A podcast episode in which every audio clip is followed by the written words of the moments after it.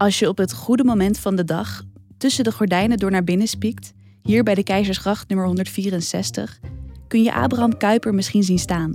Een man van in de 60 inmiddels, met 30 jaar hard werken achter de rug. Hij beweegt zijn armen en benen ritmisch op en neer. En heeft hij nou helemaal geen kleren aan of lijkt dat maar zo? Op een gegeven moment gaat hij lichamelijke oefeningen doen. Ook op last van zijn, uh, van zijn arts gaat hij lichamelijke oefeningen doen. Iedere dag doet hij dat. En dat doet hij uh, in zijn blootje. Uh, dat, dat komt uit Duitsland over waaien, waar dat vrij sterk was. En hij, nou, hij werkte zich iedere keer totaal in de overspanning. En dan zat hij weer volledig in de put. Hij gaat dat doen ehm, op, op, op last van zijn arts. En dat leidt op een gegeven moment ook tot een incident. Dan is hij al premier geweest. Dus dan zitten we aan het begin van de 20e eeuw. Maar hij is dan in Brussel. En daar wordt hij op een gegeven moment opgepakt omdat hij naakt achter het hotelraam is uh, gesignaleerd. en uh, hij wordt opgepakt, ook prachtige uh, cartoon van verschenen van Albert Haan. en dan wordt hij naakt, weliswaar met zijn hoed op en met een bijbel voor zijn kruis, door Belgische agenten gearresteerd. En, en, en ja, ik ben er vrij, vrij zeker van dat hij gewoon zijn gymnastiekoefeningen stond te doen voor het open hotelraam of voor het, voor het onbedekte hotelraam. In de paar honderd meter van Keizersgracht 72 tot hier hebben we 30 jaar van Kuipers leven afgelegd. Van het eerste huis dat hij als predikant in Amsterdam bewoonde, zijn we hier aangekomen bij zijn laatste woning, voordat hij de stad definitief als woonplaats verlaat, om minister-president te gaan worden. Het is het jaar 1900. En terwijl Abraham achter het raam zijn gymnastiekoefeningen doet, denkt hij ongetwijfeld aan de 30 jaar die achter hem liggen Predikant is hij al lang niet meer.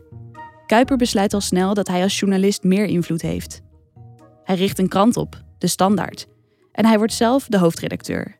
Zo heeft hij meer invloed in het liberale Nederland. Liberalisme dat hij verfoeit. Kuiper was eigenlijk de eerste die een, uh, een, een, volledig alternatief bracht voor die liberale dominantie. Zowel in die kerk, hè, we moesten terug naar het geloof der vaderen, terug naar de, wat zij noemen in de gereformeerde kring, de beleidenisgeschriften.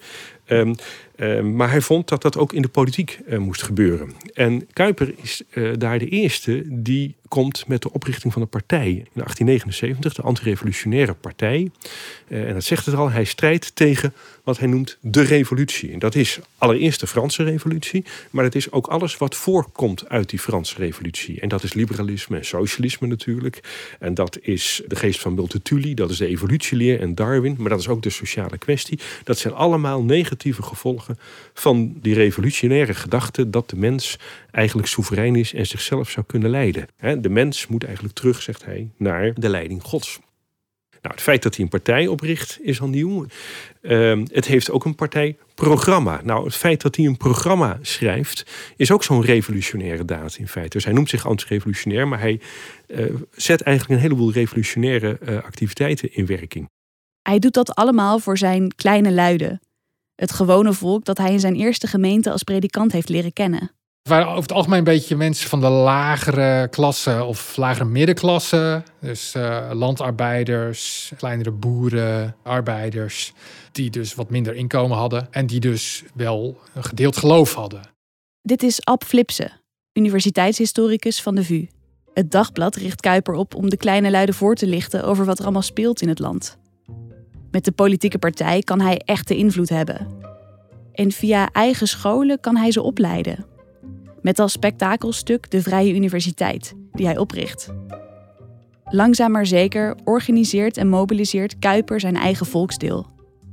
Kuiper vindt al snel medestanders, want in zijn eentje kan hij de strijd niet voeren. En zeker niet zonder geldschieters. Dit huis bijvoorbeeld kost 41.000 gulden.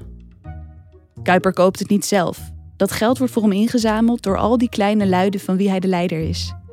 Zij geven het geld dat ze kunnen missen en door geldschieters, zoals de grootste bierbrouwer van Amsterdam, Willem Hovey. Wat er met hun geld nog meer gekocht wordt, dat zie je op de volgende stop, het pand hiernaast, op nummer 162.